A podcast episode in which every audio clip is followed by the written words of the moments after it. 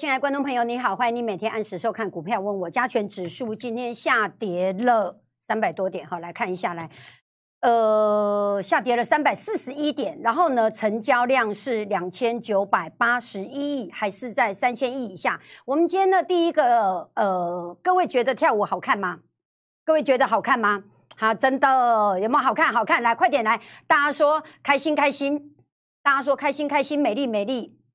对，其实你知道吗？我们那个特训呢，就超可爱的。我现在看的时候才发觉，我们三个的时间都有点不一样。对，然后呢，脚打开的那个那个时间点，真的超难的，你知道吗？那叫人卡亏亏啊，那种困难的，你知不？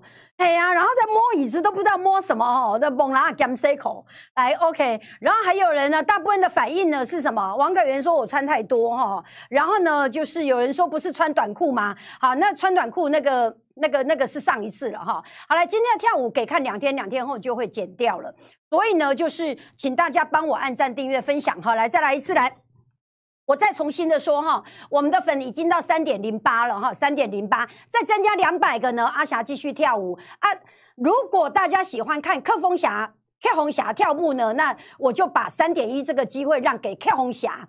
好不好？然后 K 红霞来帮我们跳一支艳舞，OK？好，来跳一支艳舞。我们呢一致决定，一致决定让 K 红霞跳艳舞，好不好？OK？这样子庆祝三点一。刚才都是开玩笑的哈，我现在认真的讲一下呢，请你把我的节目呢分享给你们家的小朋友，并且呢告诉你们家的小朋友呢，把它分享到他的同学。对，因为这波全部套牢都是小白。我讲真的，这波套牢全部都小白，一直到今天还在找底。这个大盘没有底，没有底，没有底，没有底。那么拉其他股票都是没有用的哈，拉其他股票都是没有用的。那么台积电直接下跌，直接下跌二十块，直接下跌二十块，跳空直接下跌二十块，而且什么？而且是带量杀哈，这是不是杀到有量为止？这不是杀到有量为止哈，这个才是杀到有量为止的量，所以这个是带量杀的杀。各位亲爱的观众朋友，来这个大盘哈，等一下再来解好不好？等一下再来解。看第四个图，OK，好来，你现在所看到这是融资余额。再来一次啊哈，外资杀台湾人进去接哈，你现在所看到的是台积电的筹码。那么为什么要看台积电？因为台积电占了大盘加权指数百分之三十五左右，因为股本很大嘛，两千五百九十三亿，然后又五百多块，所以非常的呃非常的高贵哈，非常的高贵。所以呢，台积电的方向就是指数的方向。所以呢，这一次的股民呢，这还融资余额，这没有零股哦。你现在所看到这是融资余额哦，这融资余额，融资从哪里开始接哈？从破六百开始接，现在已经五百二十六块了，已经五百二十六块了哈，还想接吗？还是应该认赔杀？对，真的，我讲的是真的哦，我讲的真的，六百六百，然后到哪里到哪里？假设仅限在这里，这是他们的唯一希望了哈，这是多头的唯一希望，台积电的台积电呐、台积电是多头唯一希望啦。然后台积电的希望就在哪里？就在这个点上哈，五百一十八，然后呢，五百二十六，我认为明天会跌破，我认为明天会跌破，所以各位亲爱的观众朋友，来，请帮我分享。那请帮我分享三点一的时候，我们再来跳舞，这样 OK 吗？好，来怎么样？现在是王可元跟多多绿宝宝已经占领了我们的舞台哈，大家开始打我爱阿翔。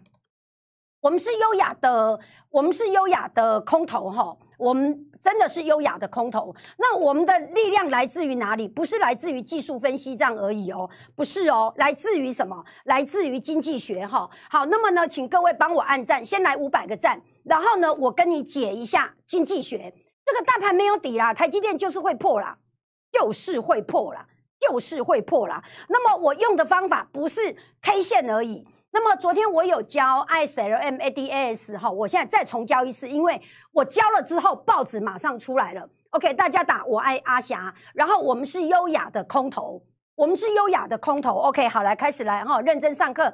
那现在呢，线上的朋友，请帮我按到五百个赞，我让你看我今天的扣讯，我空单回补了吗？啊，我空单回补了没有？空单回补了没有？不要跟别人讲哦，我空单回补了没有？想不想知道这里还可不可以再空？这里还可不可以再空？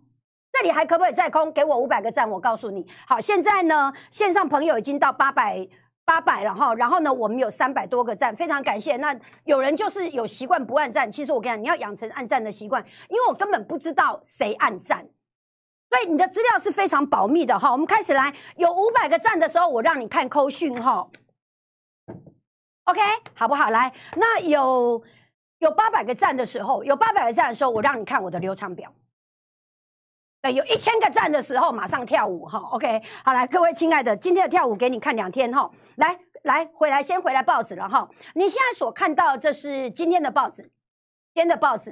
当你看到今天的报纸的时候呢，你的第一个想法什么是利空哈？第一个反应就是利空哈。然后呢，上海风控，然后巴拉巴拉巴拉一堆哈。OK，被迫，你有没有看到停产两个字？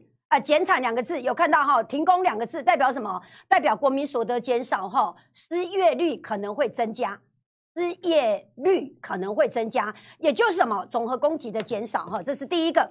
第二个呢，就我会教你用经济学的思考方式去看事情。对，你有啥代志有偌大条啊？哈，来再过来，友达跟昆山的产能大减四成哈，产能大减四成。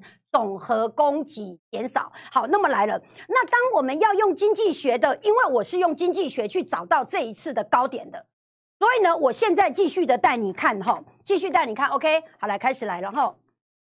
为了节省时间，我直接把它那个锻炼的这个练有没有写错字？我好像写错字哈。锻炼的影响，这个手稿也可以送给你。所以你只要在我的 Light 里面打一个四二七手稿，我就把电子档就拉过去给你了。OK，好，那么扫描阿霞的 Light，哦，四二七的手稿，好，那么认真的听哈，认真的听，我拿一支，等一下哈，来开始来了哈。这个是财政政策，这个是货币政策。那我们升息是什么？货币政策。所以呢，货币政策，货币政策，货币政策呢往。因为它是紧缩，所以往里面移；如果是宽松，往外面移。OK，所以是紧缩就往里面移了。那原本的原本的平衡点是在这里嘛？往里面移了之后就怎么样？这我们已经讲了第三次了哈，就是本来 Y 的均衡点在这里，往里面移紧缩之后呢，国民所得就减少，然后呢，利率就增加。利率有没有增加？有。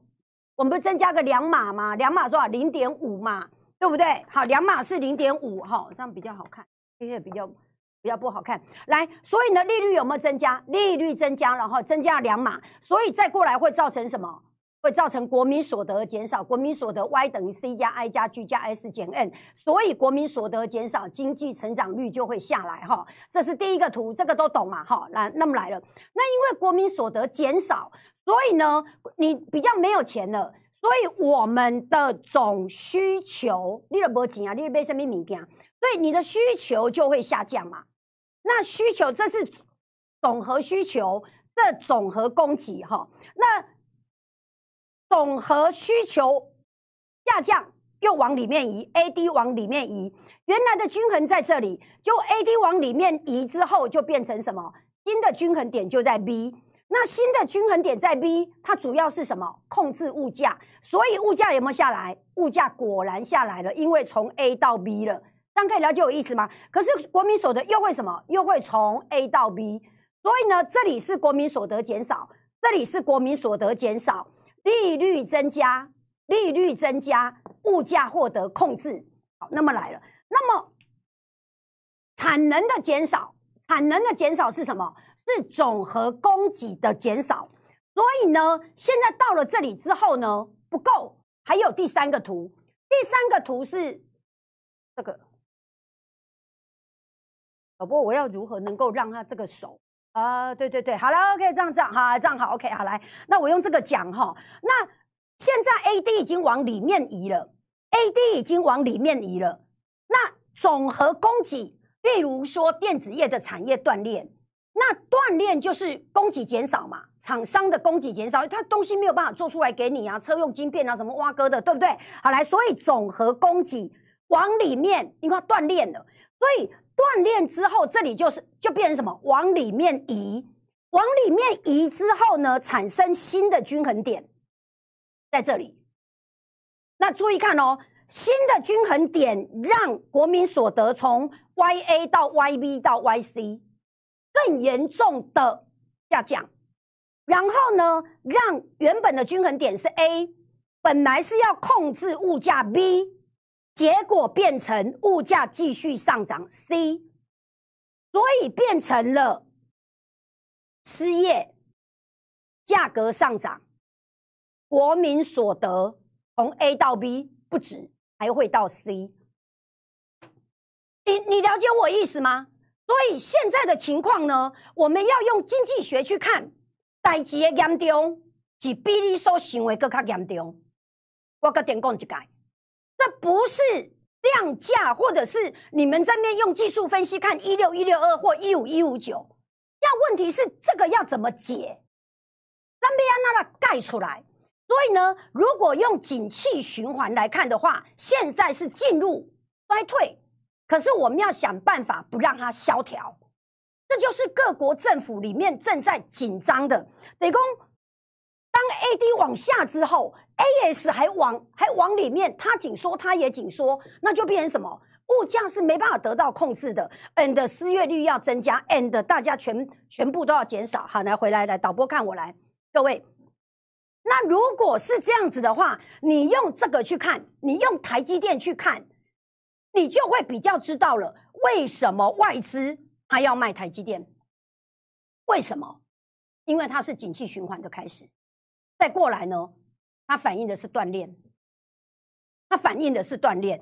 今天的环球金已经跌破了五百了，你看到没有？已经跌破五百了哈。然后呢，它反映的是什么？反映的是锻炼。那锻炼从哪里断？它任何一个一个产业，任何一个一个地方断掉都是断，任何一个地方断掉都是断，不见得从上游断，从中间里面断。你知道一个手机有一万多个零件。少一个零件，你整个手机都没办法出货。所以不管是断上面、中间、下面，黑头跟黑尾，任何一个地方断都是断。我认为现在在反映这一个。那问题要怎么解？问题要怎么解？我下次再告诉你。因为现在无解，再过来一次哦。回来这个图，因为现在无解，因为这个这个图会变成比较差的情况是这样子的，所以。这是一个景气衰退的开始，它是一个开始，它是一个衰退的开始，所以它用股价的下跌来反映什么？来反映失业率可能会增加，我们的所得会减少，再过来物价上涨，能够控制得了吗？那于是再回过头来，利率再升高一点，这是真的，这是真的。这也就是为什么鹰派的美国联准会说五月份还要再升息七次。啊，你中国安尼我的直接一根好细好啊。例如说，假设我就给他到这里，那一根可以更加起哩耶，真的啊。然后可以安怎？可以 AD 更加来宾呢？就这样，它就变成恶性循环。对这就是鹰派在说的，哎，你今嘛那波搞，我五月份还要再升息七次，所以五月份再升息七次，就是 LM 再继续往里面啊，更加还利率更高，然后呢，这个下降的幅度再更多，更多之后 AD 再往里面再更多，你知道我意思吗？激烈的手段，各位回来。当你能够从经济学的角度去思考现在台湾股市所面对的问题的时候，你就变成一个有高度的人了。非常感谢所有的观众朋友，现在我们线上一千一千人，因为没有任何一个投顾老师可以带你有这样的高度去看这个事情。这个代志是非常非常非常的严重。比如唔知，我我感觉啦，我认为啦，我认为央行总裁应该一根困没去呀。我认为。我认为呢，现在呢，就是现在已经有十几万人被今天九千多人嘛，对不对？已经十几万人开始什么？你为什么？你知道为什么要变成日期要变短吗？因为呢，如果大家全部都居家隔离十万百万的时候，那个 A S 在更往里面移，更卡细。所以代际的严重，我们要用经济学的角度去看现在的经济的增点。无解，这个是你真的懂股票的人，你真的懂经济的人，你在害怕的，你终于知道人家在害怕什么。你不怕是你你唔惊是因为你唔知影，你车眉唔惊钱啦，所以你就讲讲啊，无啥热落来就跌。我跟你讲，没有底啦，这个盘没有底啦，没有底啦。再来一次哦，吼！你以为今天拉个窄板，拉个航运，就那几只小猫，它们跳跳跳，然后呢，到尾啊嘛是隆中帮啊。隆中帮啦，为什么？因为那些都是景气循环股啦，景气循环它现在是一个衰退的开始。长隆配完十八块，要不要个上？没有。各位，你了解我意思吗？所以这个大盘恐怖的所在是底家哈。好来，再过来，我昨天讲了一个重点，然后呢，就是有人在你们如果不好意思在公开场合里面问我，你可以在赖里面问我。很多人问我说：“啊，你为什么说融资余额没有降？”很简单呐，这是八五二三呐，这是在八五二三之前的台股的融资余额是这个水准，也就是呢，台湾股民在这个点上是非常谨慎的，在这里为什么？因为呢，以前的二十年的经验告诉我们说，量一般点买股票一定是波降系，波降系是用波减的哦。为什么？因为在一万八出现之前，台股的每次的最高点都是一万点。所以呢，你看到这里，你看在这里的时候是什么？是非常谨慎的，融资余额是非常谨慎的。好，那么来了，那现在这个融资余额一路大胆，这是融资而已了，这很够一个波省透了一个波省哎。然后现在的融资水位在哪里？在这里嘛，对不对？亲爱的，啊，进景在上，这沿路卖下来啊，够嘞，我知道啊，这是高水位啊，这个这个是高水位啊，距离这个点上。这是底部的融资水位耶，空头市场是什么？是回到底部哎，空头市场是回到底部，空头市场是尘归尘，土归土，所以你现在绝对来得及，这里没有底，因为经济难题才刚开始，经济难题才刚开始。按照阿哈塔册，我有一个呃播放清单，你们去按播放清单阿哈塔册。那么呢，这一集的今天的阿哈塔册里面，科斯托兰尼就讲到了，那股票跌到什么时候呢？跌到升息为止。我想靠要跌到升息，那基本不跌到呃跌跌跌到降息为止啊！可是突然你说跌到降息为止，啊，那起码升息都来不及，还降息，你就知道它有多漫长。各位亲爱的，当投顾老师在告诉你说先看这个底，先看这个底的时候，我告诉你他们在安慰你，因为他们的会员都在套牢，所以呢，他只好往下帮他找底。我梁碧霞是一个全身而退的人，而且是放空下来的。我告诉你，这里没有底。这个不是底，这个是头。这个来到这里只是确认什么？确认上面全部都叫头。当来到这里的时候，只是确认之前的都叫头。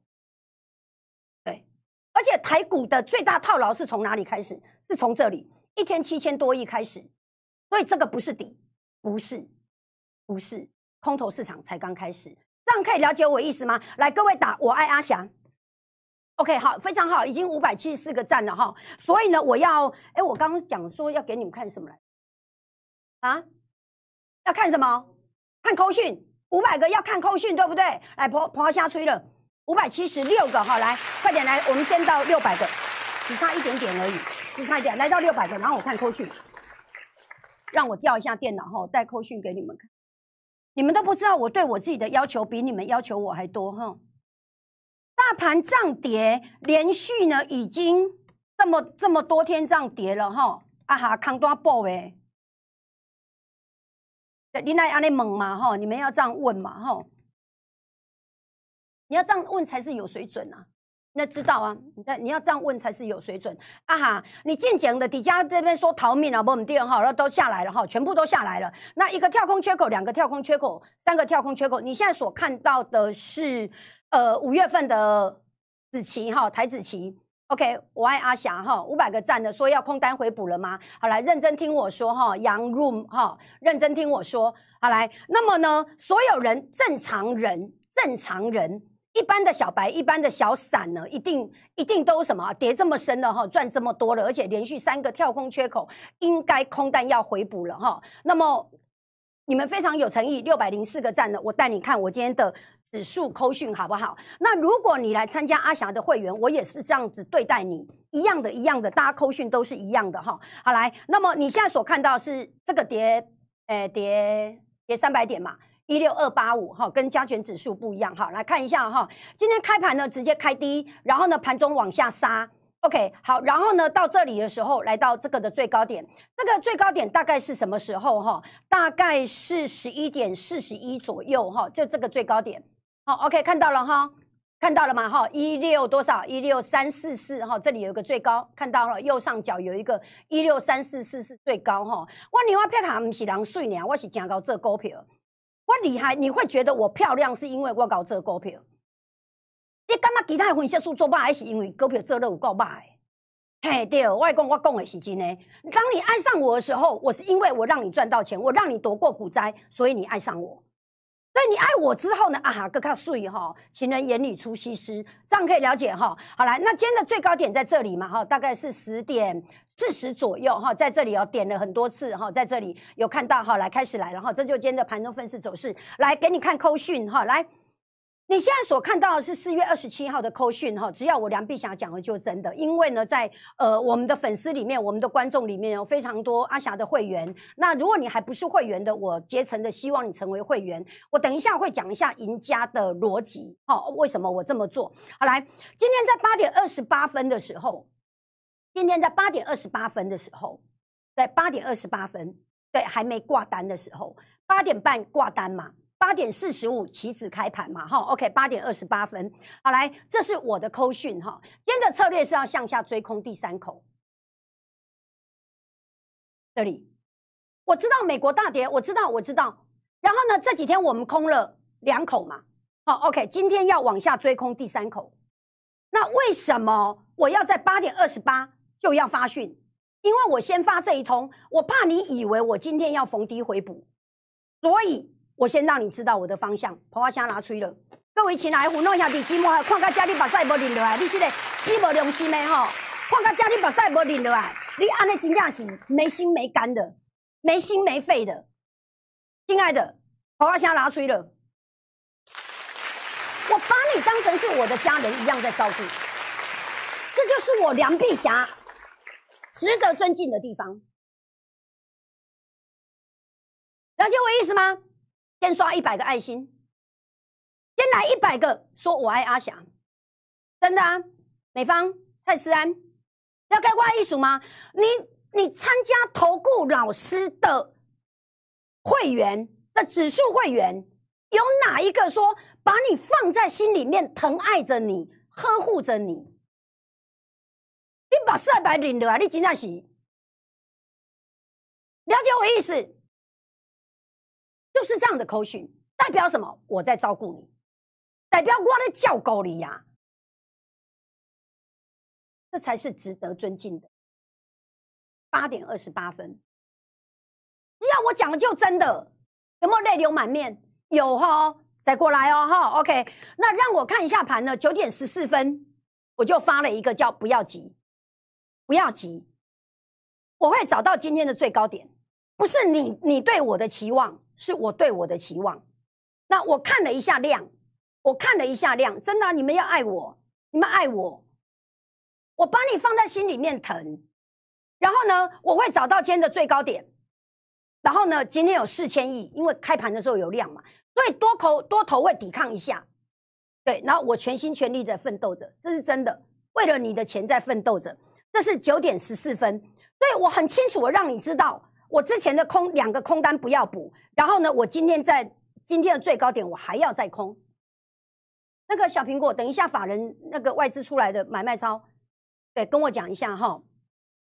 我认为卖三百亿啊，我认为卖三百亿啊。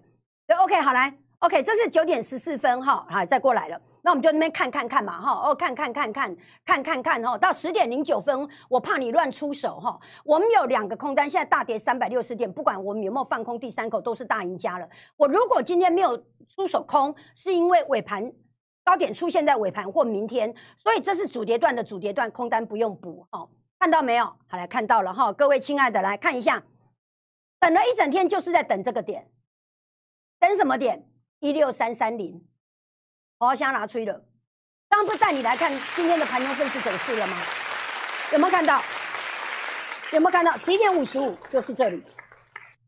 你现在所看到的，回来，你现在这是十二点，这是十二点，我就在等这个，我看到了，我看到了，就在这里，我看到不？对，底加，今天最高点多少？一六三四四，跑箱拿出了，我接受全民的欢呼。再来一次哦，各位，因为我被训练过，如果你跟我一样是有想要发财的那种欲望的，为什么不回补？因为很简单，这里不是底。我再重新说一次，我杨碧霞三大保证，保证带你买，保证带你卖，保证赚完整个波段，你知道吗？现在的空单就是咬在你大腿上的鳄鱼。阿霞三大保证，就是我们已经对了，我要把它赚好，我要你发财，我要你这辈子都要赚到钱。阿霞三大保证，保证带你买，保证带你卖，保证做好全波段。这个全波段你划掉，你这世人就好个啊，啪声拿出去了。看一下五月份的，你现在所看到的五月份的指数操作，有没有一口赚两口？我要吹了，十八万探三十一万，十八万探三十一万。因为我认为它不是底，对啊，我认为它不是底。爱阿霞吗？爱，真的爱。那尾盘这样赚四十五点，盘中有一个非常重要的一个资讯，我带你看哈。你现在所看到的是二三三零，教你看盘哈。为为什么要参加会员？因为会会员帮你盘中看盘的时候，这就是我我给你的讯息。如果你觉得你有阿霞这样的讯息是保护你的，你觉得梁碧霞真的是女侠，真的是女侠。我跟你讲哈，联发科在拉的时候，台积电没有动，这就为什么要看盘，然后判断什么，判断能不能拉得起来。联发科今天破新低，联发科今天破新低啊！各位开始两个跳空了，开始两个跳空了，开始两个跳空了。再再回过头去看，要检讨，真的真的是要检讨了。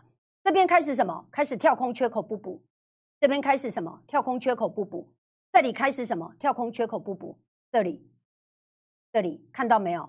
那你说这个量会不会是止跌量？没有了，不是止跌量了，因为量不够了，量不够了，整个大盘的量不够，然后个股量也不够。台积电这是不是止跌量？这不是止跌量啊！上次止跌要这种量。才会反弹，上次要这种量才会反弹，才会反弹的起来。所以它是一波一波量能，这里比这里小，这里比这里小，对。所以我认为这里不是。然后经济难题才刚开始，我把你放在心上，所以要让你在这个行情里面赚到最多钱。这就是我一直跟你讲的，找到最高点把它空下去。赚三倍的原因，好，那么让我说明一下哈，我觉得因为今天这个还蛮重要的。如果呢你喜欢我的上课方式的话，因为我这个礼拜五，这个礼拜五呢我要上总复习班，给大家上总复习班。好，那给大家上总复习班跟解题班。如果你已经没时间回头再去学很多东西的话呢，那么首先要买这个课本。那买这个课本之后呢，我会打开第几页第几页，我就直接什么，直接跟你讲你现在用哪一招了。你起码底下用多多几包。因为你没没有时间蹲马步了，就直接赶快。那如果你已经上过课的人，让我全部帮你总复习，这样可以了解吗？好，那么这个解题班什么？这个解题班是我直接出考考题给你，我画图给你看，你一辈子都不会忘记，这才是真正你自己的。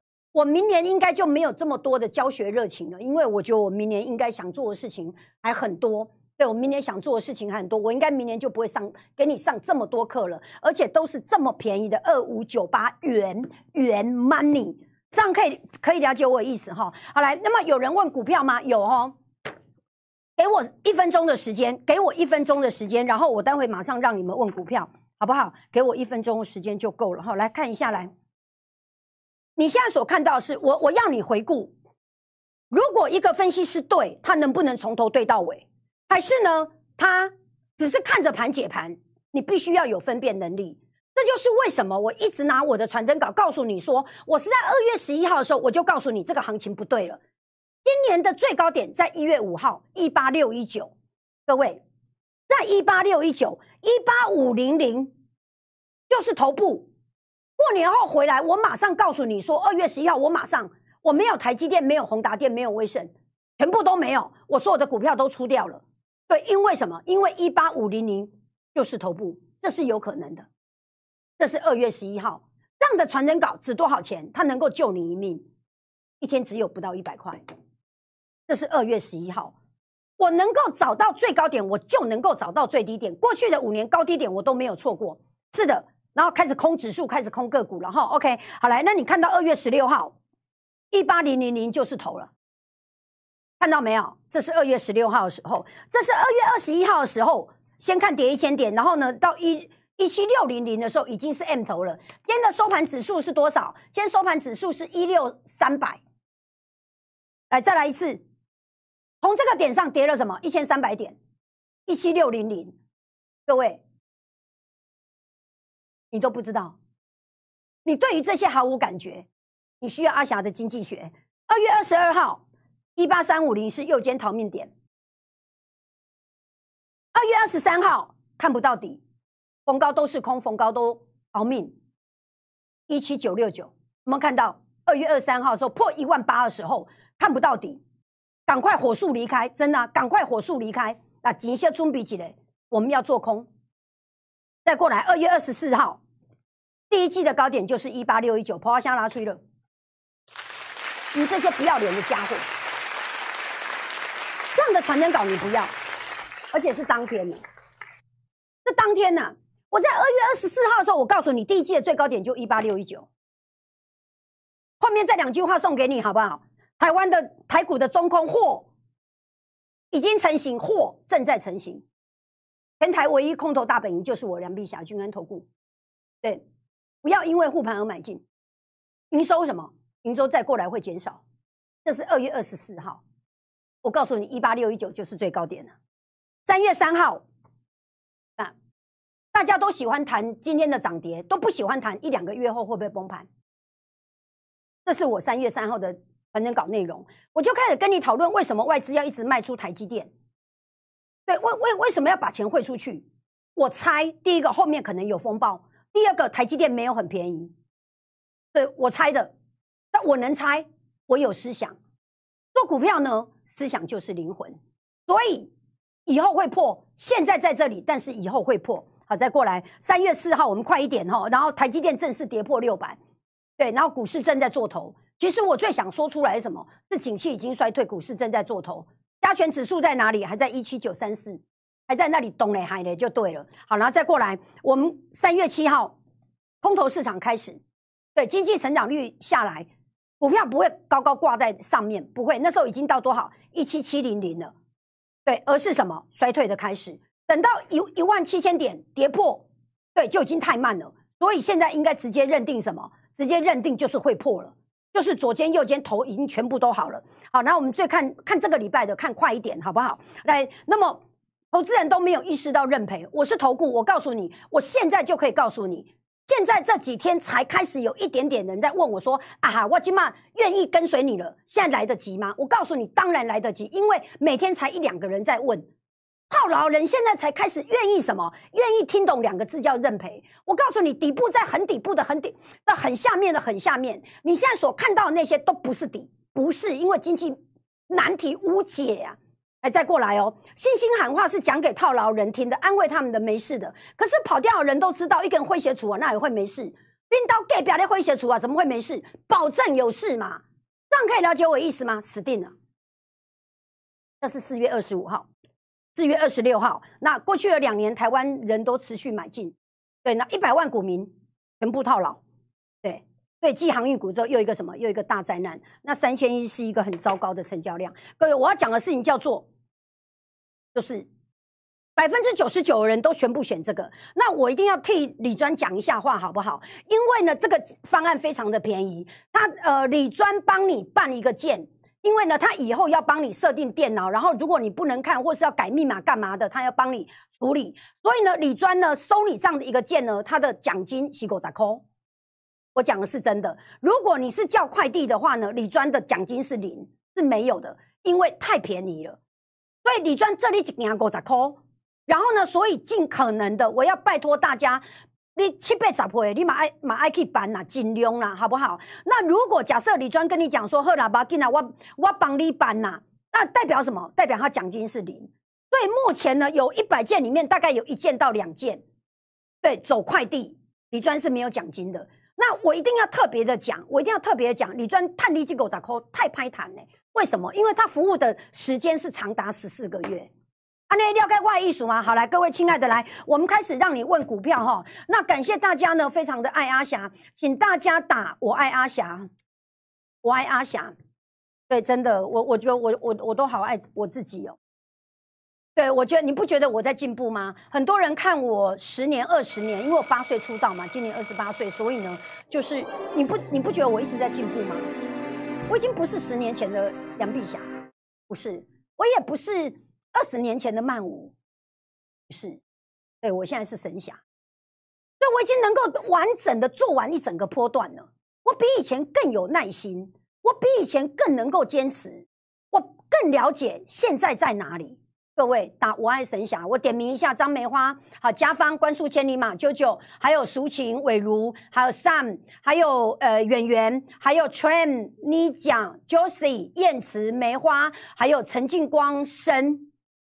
对啊，帮帮李专加薪，可是问题是钱都让给你们了啊，钱都让给你们了呢。我讲的是真的，你五五十块了，真的拍谈啊，好不十四个月。哎那我爱阿霞哈，素素霞，然后阿妮塔，然后呢素芳，OK，王秋平，然后张梅花，罗华，然后呢呃美玲，还有子芳叶先生。好了，现在谁还没有让我点到名的？对你出来跟我报一个平安，对我会带你一路。空下去，你要跟着我活到底部，我底部翻多，你才可以买股票。我当我告诉你这里没有底部的时候，你就不要给我买股票。还有恩世，然后呢，呃，阿妮塔，还有演员小甜心、美芳、爱发财、珊珊，还有呢，梅色是芝士梅色，Michael 啊，Michael 是我的闺蜜哈，还有蔡思安，对，还有嫣然，还有阿基，还有呃。光速千里马点过了哈，还有佳韵，然后佳韵是我的铁杆粉哈。OK，佳韵呢是足足够追，足够追哈。刘新杰哈，啊，够不？王建华，够不？够在美方，在 Michael，我点到你了哈。还有海鸥，海鸥是新朋友哈。何梅阿基，你要出来我才知道你活着，你给我好好活着，你死在这里你就到不了底部，你到不了底部嘞，你就套在半山腰，这里才中间而已啊。对啊，应该不知道有没有过一半。对啊，OK，好来再过来什么？还有简慈、胖胖林，还有阿哥我上陈榜哈，陈榜好久不见，我看过你洗呀，你赶快给我出来哈！李丽云哈，还有简简，对，然后陈榜终于知道，我就你要活着哈，朱棣，还有简简，还有雷尼，OK，雷尼非常好哈。那我教各位，如果你不想你的名字真名呢，是是你你很想要跟大家玩刷爱心哈，你就立亚丽笑脸的功，你的名字就把它改掉就好啦。例如说呢，我是梁碧祥，你就改成把它改成梁阿霞，那你就简简啊、珊珊啊、悠悠啊、呃、叔叔啊、芬芬呐，对，了解我意思吗？闺蜜啊，哦，台中小苹果啊，哈，台中也有小苹果哈，刘华华。这样可以了解我意思吗？就跟大家玩爱心是一件非常有趣的一件事情哈。还有朱佩宁哈，我爱阿霞，李佳荣啊，非常好哦。杨 run 杨 run，OK 好。这个礼拜五的这个演讲，你如果你觉得没有一天，呃，任何一天都要有阿霞，那么我礼拜五的演讲全部都是用来上课跟讲一点有高度的东西了哈。嫣然秀云哈，OK 阿基简简，对我跟你讲哈，嫣然我告诉你哈，我曾经有一个。我我我有一个特异功能，应该算特异功能嘛。我我过目不忘，我看人过目不忘，我看人过目不忘。我看他，我说哎，你怎么年来参加我演讲？加西洋啊哈，你哪怎样？我我这是真的，这是真的哈。小鱼叶董哈，叶董也是最近来的朋友，是真的，我都有在看，我非常爱你们哈。OK，那陈静光生是新朋友，OK 啊，你喜欢的话你就改个名字哈。OK，秀霞，好了，我们开始来问股票哈，三零三七，那今天放空间算出量吗？我就知道哈，一定一定会有这样子的，呃，三零三七哈，一定会有这样子的哈。OK，这个这个算出量啊，可是你也不用怕，为什么？因为它出量就涨完了哈。这真的真的已经一个一个个性一根该这样那样。那我曾经讲过哈，我曾经讲过，就是呢，因为它是呃多头排列，多头排列还没有完全成为空头，对，所以呢，它每次下去就会拉上来。对我，我认为大势已呃大势已成啊，趋势已成啊，对，趋势已成啊。我呃给一个几个图给你，让你看一下哈。你现在所看到是中钢，中钢在一个月前哦拍欠钱哦，就嘛死干干哦。安内安内形容词的形容会不会太粗鲁哈？叶董你也爱阿霞，小花妈也爱阿霞哈。OK，你知道吗？安内死干干哦，你知道就我应该拍欠钱哦，啊靠，这样哈，而且嘛弄中戏呀哈。OK，好，所以呢就是。这是一个趋势，而趋势是没有办法抵挡的。这样可以了解我意思吗？再回来哈，不对，这样子你你有听懂哈？那只是你的趋势是什么哈？我认为做股票是不会被嘎空的。为什么？因为保证金九成呢，嘎什么空啊？那哪嘎得了你啊？你简直是买现股啊！对啊，你简直是买现股。那如果可以的话呢？我是希望，呃，未来会有一个点上，你可能会被被迫回补的。呃，一年有两个，一个是呢开股东会，一个什么配股配息哈。那之前的开股东会不是被被迫回补一次吗？那我跟你介绍一个产品，这个产品，这个产品叫个股期。OK，个股期呢，如果你的除权息，它会给你，然后你没有回补的问题。OK，这这是我的，这这个是我的个个股期。我很会做股票，我觉得，我觉得假设我是千里马，那么汪大明就是伯乐哈。那我要告诉你说，伊要你要做到这股票，那人家问你说，哎呦，但呢，你那要搞这股票哈？你讲啊哈教我的，我的师公是汪大明，因为是汪大明教我啊，我教你嘛，所以哈，你来讲我的师公是汪大明哈。OK，周晨好，OK，还有佩瑜、罗华和瑞燕。OK，吕秀玲，好，周晨也是新朋友哈，你随时爱叫什么名字，你可以随时改哈。小花猫哈，阿阿霞也爱你。好来，这样可以可以了解我意思吗？那逢高再空一次啊，这里啊，来导播回来，逢高再空一次啊，逢高再空一次，对啦。好，OK，私赖给我哈，OK，私赖给我。好来，四一七一的瑞基，啊，这个来啊，都好想追，靠腰，你怎么那艾伦？那那那。哎哦呃，随随随便便给你看几个东西，还谁哈？OK，举举这种例子，这种例子，追了哈，凡追高必定套牢，因为趋势不在多头那一边。对，凡追高必定套牢哈，再来几次。再来几个好了哈，凡追高必定套牢哈。你很想追哦，你去哦，你去哦，去哦，你去哦。哎呀，我我让你电话来哦，来哦，来哦，那俩高铁都要俩去哈。OK，这样可以了解我意思吗？你去哦，你就去哈。OK，啊，你就去你就去哈，你就去啊，要俩高铁，你有两点管啊。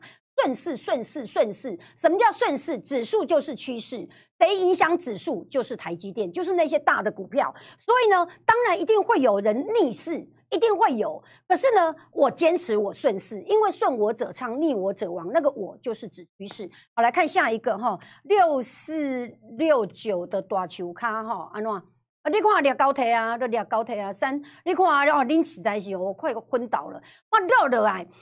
涨上去说很想追啊，热的来讲啊哈，特的被安诺啊，尽量是唔知被安诺。来，你现在所看到的是大树哈，大树大树药局三百零五哦，那变脸了，翻脸很快哦，翻脸很快哦，嗯，翻脸很快哦。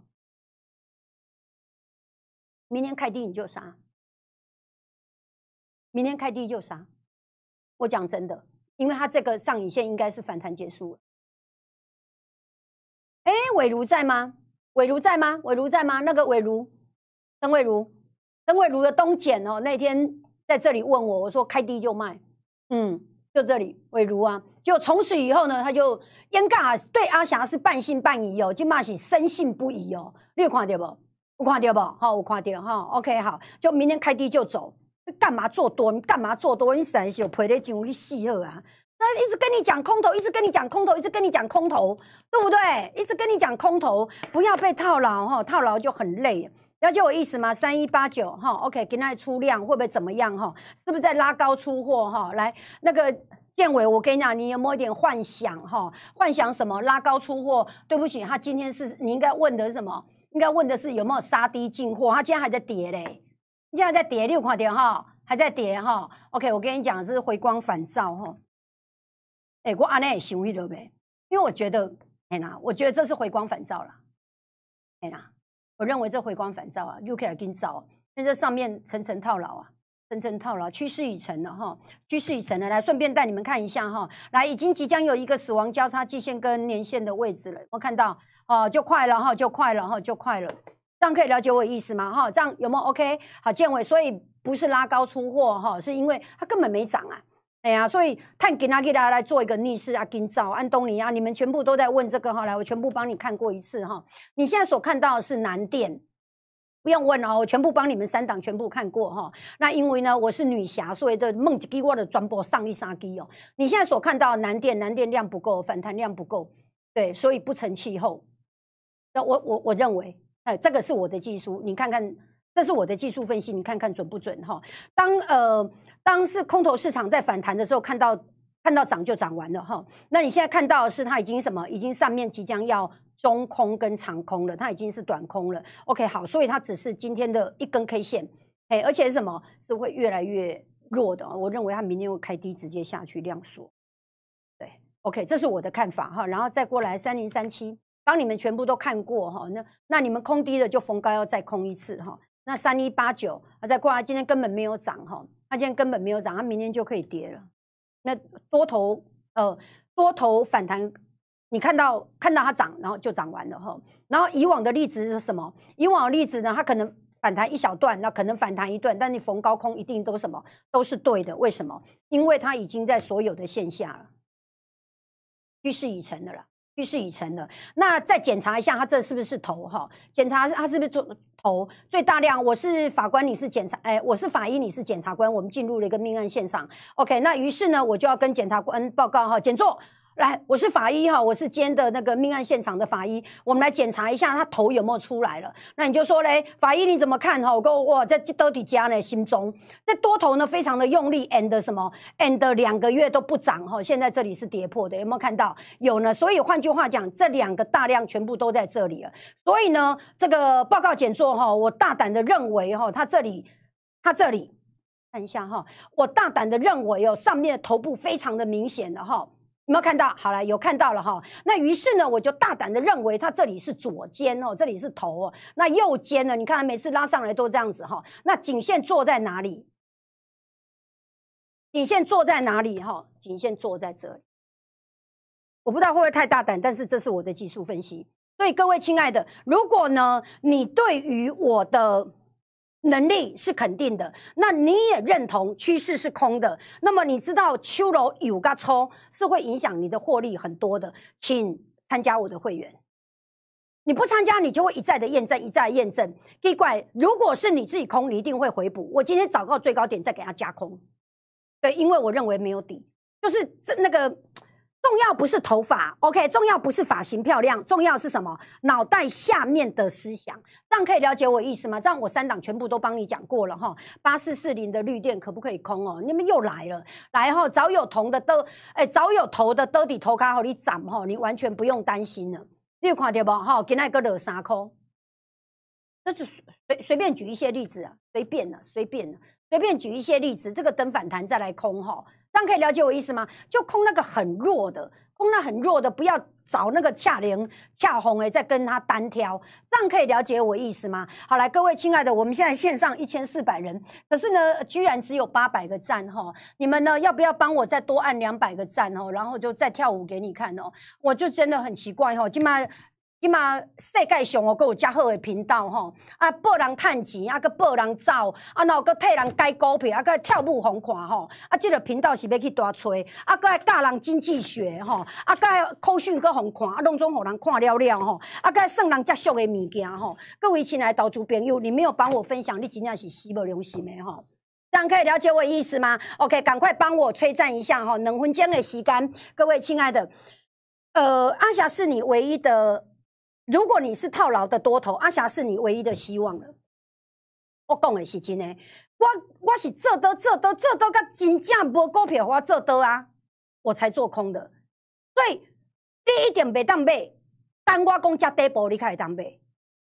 你了解我的意思吗？你唯一的靠山，毋是迄多头的分析师在在在在安慰你说：“哎呀，伫遮应该有支撑，靠腰有支撑，先那一条一条安尼咧破。”讲诺会安那一个死亡交叉，个一个死亡交叉，个一个死亡交叉。你按赞了不能按两次，因为按第二次是取消哦。你知道哈？重进光生你袂当按二两件哦哈。啊，你按二两件把紧吼，搁来二第三件吼。这样可以了解我意思吗？来，team 哈，淑芬呢？伟如按赞是一种礼貌。来，八百二十八个赞哦，给我一千个赞。那我会在第九百五的时候呢，赶快取消，因为一千个又要跳舞了，很累。OK，好，来，忠贞不二，深信。呃，深信不疑。建中说要看阿霞跳舞，建中是爽歪歪哦，赚到爽歪歪，还要还有舞可以看哦，了解我意思吗？各位亲爱的，没有券哦，这要站着了，用用用那个，我刚不是介绍了一个工具？好来，OK，门面担当哈，就是你知道什么叫担当的一个啊？这个这个场我来画的哈，OK，好来，各位亲爱的观众朋友，来八百四十七个赞，OK，好来，最后点名一下，然后。呃，对，那个佩宇说一定要上课，我我一定要讲一下，因为时时间时间的一直一直那个哈，呃，我培养了一群精英，那你们就是我培养出来的精英，对我培养了一群粉丝，这群粉丝呢已经会分辨了什么投顾老师才是厉害的，什么是呃小瘪三。好不好？那所以呢，就是你要会，你要会看线，然后呢，你就知道谁在胡说八道了。所以呢，总复习班、解题班，这是唯一三场你能够一二九九的，各改无啊？各改上秀的是两班的呀？各改上秀的两班，我讲为真的呀？各改上秀的两班啊？各改无啊？无一二九九哎？所以这是你唯一能够花最少的钱，你用一二九九 OK 啊？我 OK 啊？啊，我听了拢屌嘞啦，听了拢屌嘞。就一二九九，你用一二九九，然后看阿霞好不好，讲的好不好，有没有内容？阿霞是不是有料的？OK，这是你唯一三个机会了，然后再个哥哥哦，这样呢，就没有卖单堂，二能班。哎，一堂课大概是八百三十三块哈，这样可以了解我意思吗？好，现在呢，呃，八百六十六个赞，我觉得已经很棒了，非常感谢你哦。没有按赞的，今天没有按赞的呢，就身底称哦，拎到一杯汤也不炸。然后如果你跟身底称哦，你按赞的会全部好哈。我认为这里大盘没有底部，然后呢，大盘的量能非常的糟糕，非常的糟糕哈，没有人愿意在这里买股票，所以我认为一万六。我认为，我我认为明天是可以，可以讲吗？应该可以了哈，应该可以了哈。我认为这种 K 图不是不是底部，再来一次哈。导播回来这里，我们今天就 ending 了哈。谢谢导播。来，我认为这种不是，因为它这不是底部量，这不是底部 K，对，这也这也不是在这里做底部的捷径跳空缺口，不是，这里是中途的下跌站。对，所以呢，谁买股票谁倒霉。那空了，你要讲求技巧，来找我好不好？扫描阿霞的 Light，我要送你今天的手稿，OK？好，我是蓝碧霞，我在君安投顾，务必拿起你的手机扫描阿霞的 Light 进来，我等一下会发文。哎，那个外资买卖超出来没有？对，赶快查一下哈。好来，那我等一下会发文，然后我会解外资。OK，信阿霞信到底，你会赚大钱。外资卖了两百一十一亿哈。OK，三大法人卖两百四十四亿，投信的就国安基金护盘哈。大家加油！我是蓝碧霞，我在君安投顾。等一下我来解这个大盘。好，到 Light 里面去发我的，去收我的免费讯息，要有贴图、大名、电话出来，你才收得到哦。感谢您收看，我们明天同一时间再见，拜拜。